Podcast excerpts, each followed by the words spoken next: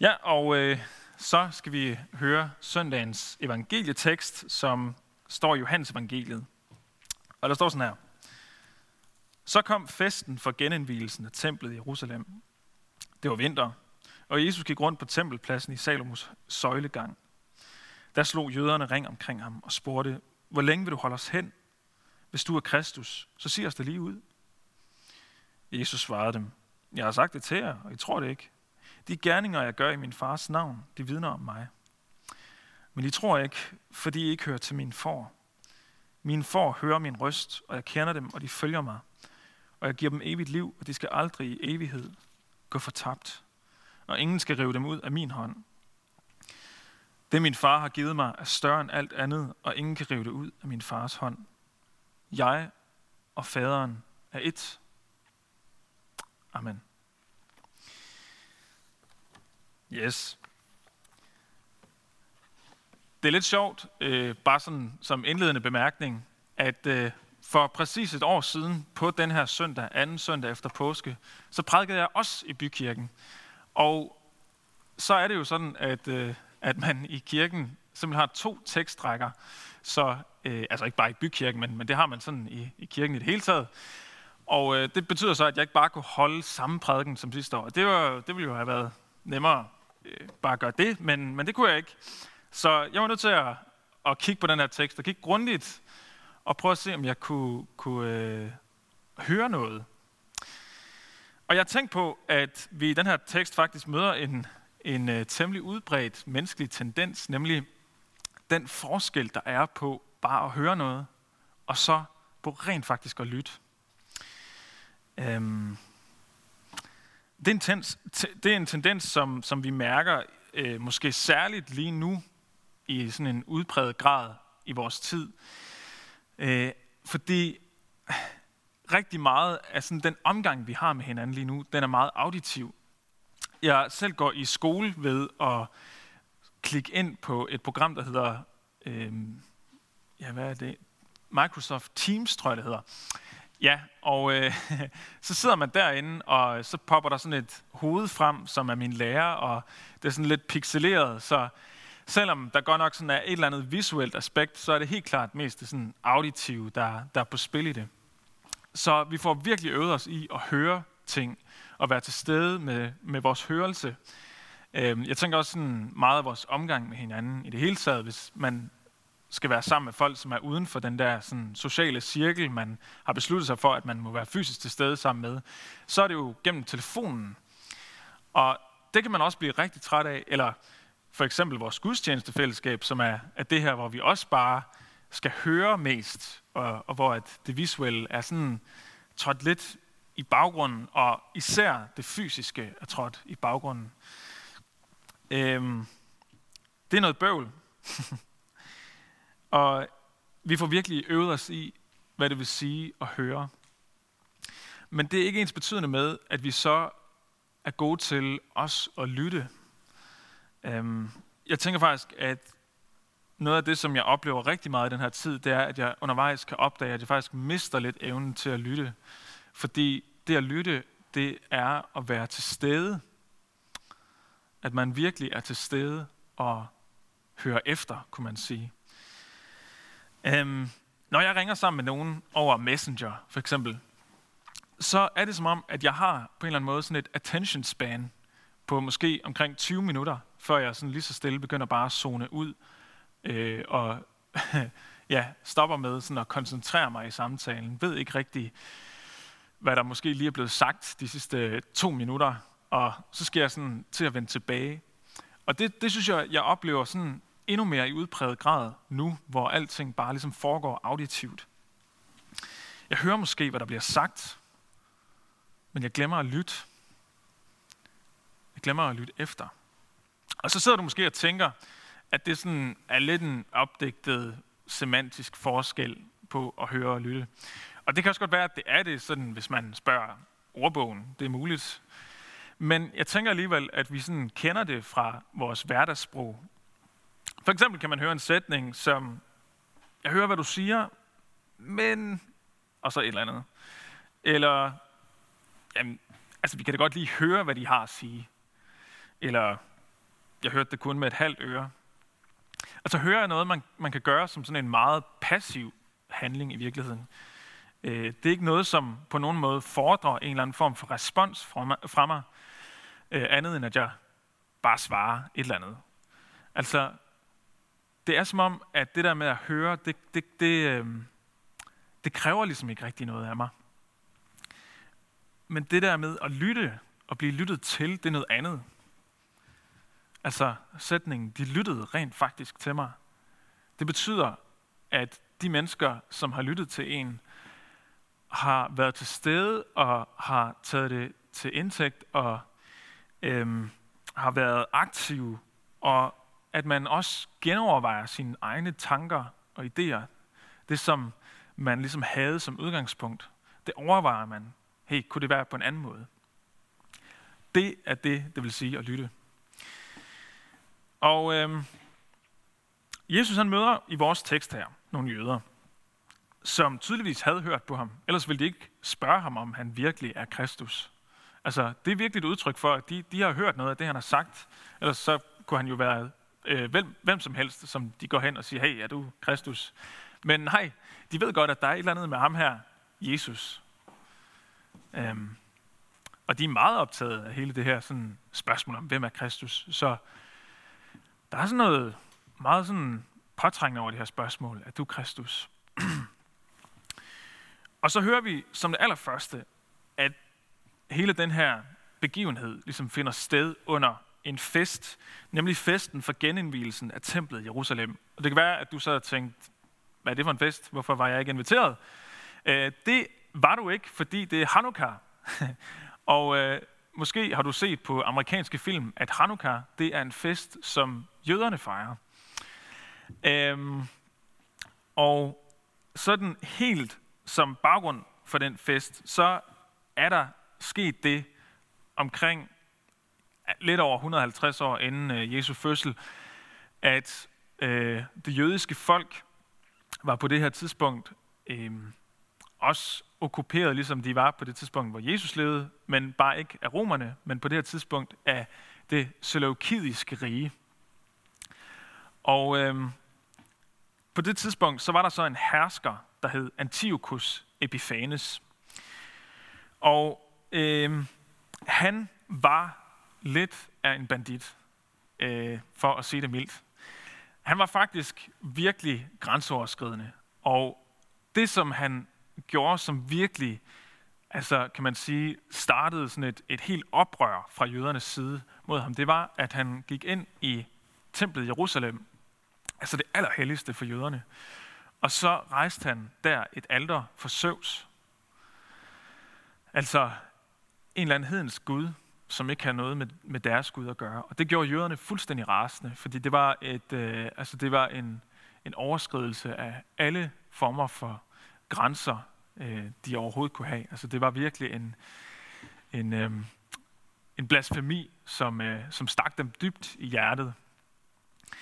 Og øh, det gjorde så, at øh, altså det blev ligesom anledning til sådan et, et, et kæmpestort oprør, man har kaldt det Maccabæer-opstanden, og man kan læse om det, i, hvis man har sådan en, en øh, bibel med apokryfer, så kan man læse om det i første og anden Maccabæer-bog. Hele det her, sådan, ja, øh, det her oprør. Og det, der så sker i kølvandet på det, det er, at jøderne faktisk får generobret magten. De får gjort Israel til en øh, suveræn og selvstændig stat. Og øh, det betyder, at når man så fejrer den her fest, så tror jeg godt, man kan sige, også selvom jeg ikke er jødisk sociolog, så tror jeg godt, man kan sige, at der faktisk har været enormt meget sådan national stolthed på spil i det. Øhm, når man fejrer Hanukkah, så er det virkelig en fejring af det der med at være jøde. Vi er jøder, og vi, øh, vi vandt en stor sejr. Men festen er ikke bare en markering af en politisk sejr. Det er faktisk også en fejring af, at Gud igen er tilbage i helligdommen, i hans tempel. Det var sådan, at der var et, øh, et slogan for den her fest, som lød sådan her. Nu er Herren er der i helligdommen. Og så med så mange øh, andre af de øvrige jødiske fester, så var der også et andet motiv, som var særligt til stede ved den her fest, nemlig hele spørgsmålet om, hvem er Messias? Altså, hvem er Kristus? Og Messias, han har jo i deres øjne været ja, dels en eller anden form for politisk figur. Øhm, selvfølgelig også en religiøs figur, men, men, men også en politisk figur, fordi Messias, øh, altså som betyder den her salvede, den salvede, det var i det gamle testamente særligt en titel, som man forbandt med kongen. Så hele tanken, det har jo været med den her messias skikkelse, det var, det var ham, som skulle komme og vælte de onde af magten og øh, genindtage tronen og gøre Israel til en suveræn stat igen. Hvilket jo hænger enormt godt sammen med den her fest og hele det baggrundsmotiv, der er der. Så jøderne, de har hørt på Jesus. De har hørt efter. Og de ved godt, at det her spørgsmål, det er meget presserende. Øhm, og de er selvfølgelig interesserede i at vide, om han kan være det for dem, som de går og venter og håber på. Men de har ikke lyttet til ham. De har ikke lyttet til ham. Fordi de har ikke forstået det, de har hørt, og de har ikke lavet det fremkalde den respons, som det egentlig fordrer dem. Men hvad er det så, de ikke har hørt? Jo, altså hvis vi spoler nogle øh, kapitler, eller spoler lidt tilbage tidligere i kapitlet, så hører vi, at Jesus har et andet møde med jøderne. Øhm, og det var faktisk to måneder for inden den her fest, til en anden fest, nemlig løvhyttefesten. Øhm, den her fest, den foregår i december, og løvhyttefesten foregår i oktober, så det er to måneder inden. Og her fortæller Jesus dem, at han er den gode hyrde. Vi hørte øh, teksten fra salme 23, hvor det her hyrdebillede også kommer. Og det er faktisk et, et meget gennemgående billede i hele Gamle Testamente. Og det her med at tale om den gode hyrde, det er faktisk hentet, øh, mener man, fra Ezekiels bog, hvor han også har sådan en helt lang tale i kapitel 34 om den gode hyrde, og som selvfølgelig er et billede på, hvem Gud er. Øhm, og her bliver det så enormt interessant, fordi ved Hanukkah-festen, altså ved festen for genindvielsen af templet, øhm, der, og det er jo så to måneder senere, efter at Jesus har kaldt sig selv den gode hyrde, der ved den her fest har man fundet ud af, at den her hyrdetale fra Ezekiels bog, kapitel 34, blev læst op. Så Jesus han har allerede leveret al den information, de overhovedet skal bruge. Øhm, og alligevel så har hans jødiske modstandere stirret sig blinde på deres egne forestillinger og idéer om den messias, de venter på. Vi hører faktisk i Johannes evangeliet kapitel 9, at det her tema med at være blind er øh, noget, som bliver udfoldet der. Så det hænger enormt godt sammen. Altså, de her jøder, de er virkelig blinde, og de har virkelig mistet evnen til at lytte. Jeg tænker, at ofte så, når jeg sidder og læser i Bibelen og læser om nogle af de ting, som Jesus siger eller gør, så kan man have sådan den der fornemmelse af, at han på en eller anden måde hele tiden er indhyllet i mystik. Øh, der er sådan noget mystisk over ham. Han siger tingene sådan lidt tvetydigt, eller siger tingene, så de ikke er helt til at forstå. Men hvis vi opregner hele konteksten for det her stykke, og ligesom tænker det hele med, og alt det har jøderne jo været fuldt ud bevidst om på det her tidspunkt, så er der faktisk ikke noget særligt mystisk over det, Jesus han siger. Øhm, det giver ret god mening at anklage dem for, at de simpelthen ikke har hørt ordentligt efter. Øhm, men jeg må faktisk også indrømme, at jeg har en øh, lige så farlig tendens til at lade Jesus og min forskning om ham blive tilsløret af alt det, som jeg tænker, at han er. Måske i virkeligheden ofte et forsøg på virkelig at forstå, hvem han er. Et forsøg på at lære ham bedre at kende, virkelig at gennemskue ham. Og derfor finder jeg så på måder at tale om ham på. Fordi jeg så bedre kan håndtere ham på en eller anden måde. Fordi han bliver en idé, mere end han bliver en person.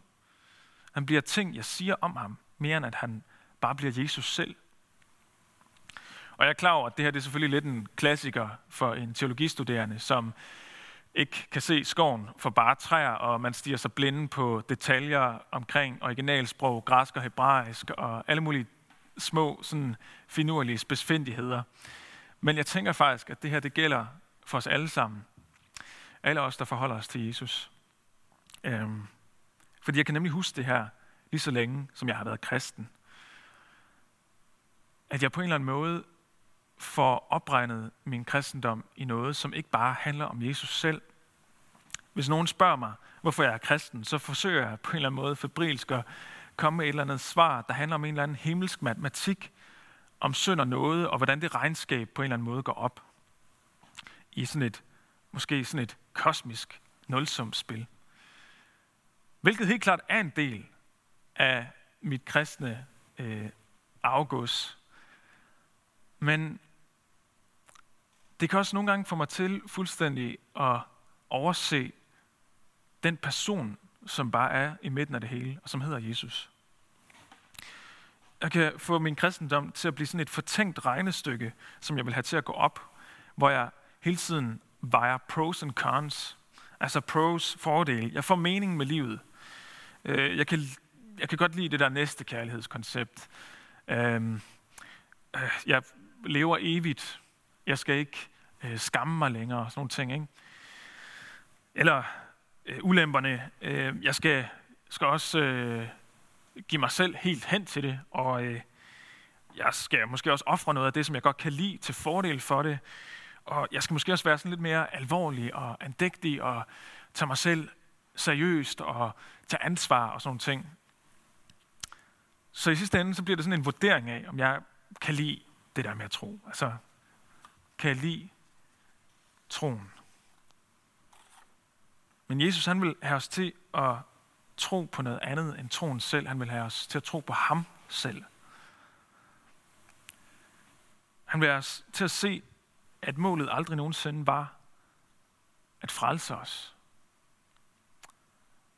Men vores frelse var midlet til et mål, som var så meget større, nemlig at vi skulle tilhøre ham som hans forflok. Det er målet. Og det må vi aldrig nogensinde komme til at overse. Vi må aldrig nogensinde lade vores kristendom handle om mindre end Jesus selv.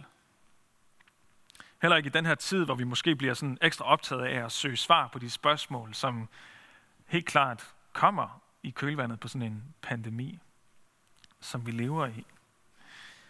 Her kan vi også være fristet til at gøre vores tro til en eller anden liste over nogle fordele, der er ved at tro. Og måske også nogle sådan en liste på 10 fordele, som gør det ekstra godt at være kristen, når livet er svært. Og ja, der er helt sikkert fordele. Der er virkelig fordele ved at være kristen, det tror jeg virkelig på. Øhm, jeg tror virkelig, at man får en umådelig stærk ballast med sig i den tro. Men når vores tro alene bliver en tro på fordelene, så begynder fordelenes glans pludselig at forsvinde. Man kunne med sådan en lidt løs parafrase af et C.S. Lewis citat sige, ret dit blik mod Jesus, og du får fordelene med. Ret dit blik mod fordelene, og du får ingen af delene. Fordi hvem vil i virkeligheden kaste sit liv i armene på en fordel? Eller hvem vil søge ly hos et forspring i livet? Eller hvem vil tilbe en trøstende tanke? Det kan man ikke. Og man kan ikke lytte til en idé, men man kan lytte til en person. Og den person, han siger noget til os i dag. Han siger, kom og vær med i min forflok, fordi så skal du aldrig i evighed gå fortabt. Fordi jeg og faderen er et. I den forstand kunne man også have lavet overskriften være at høre eller at høre til.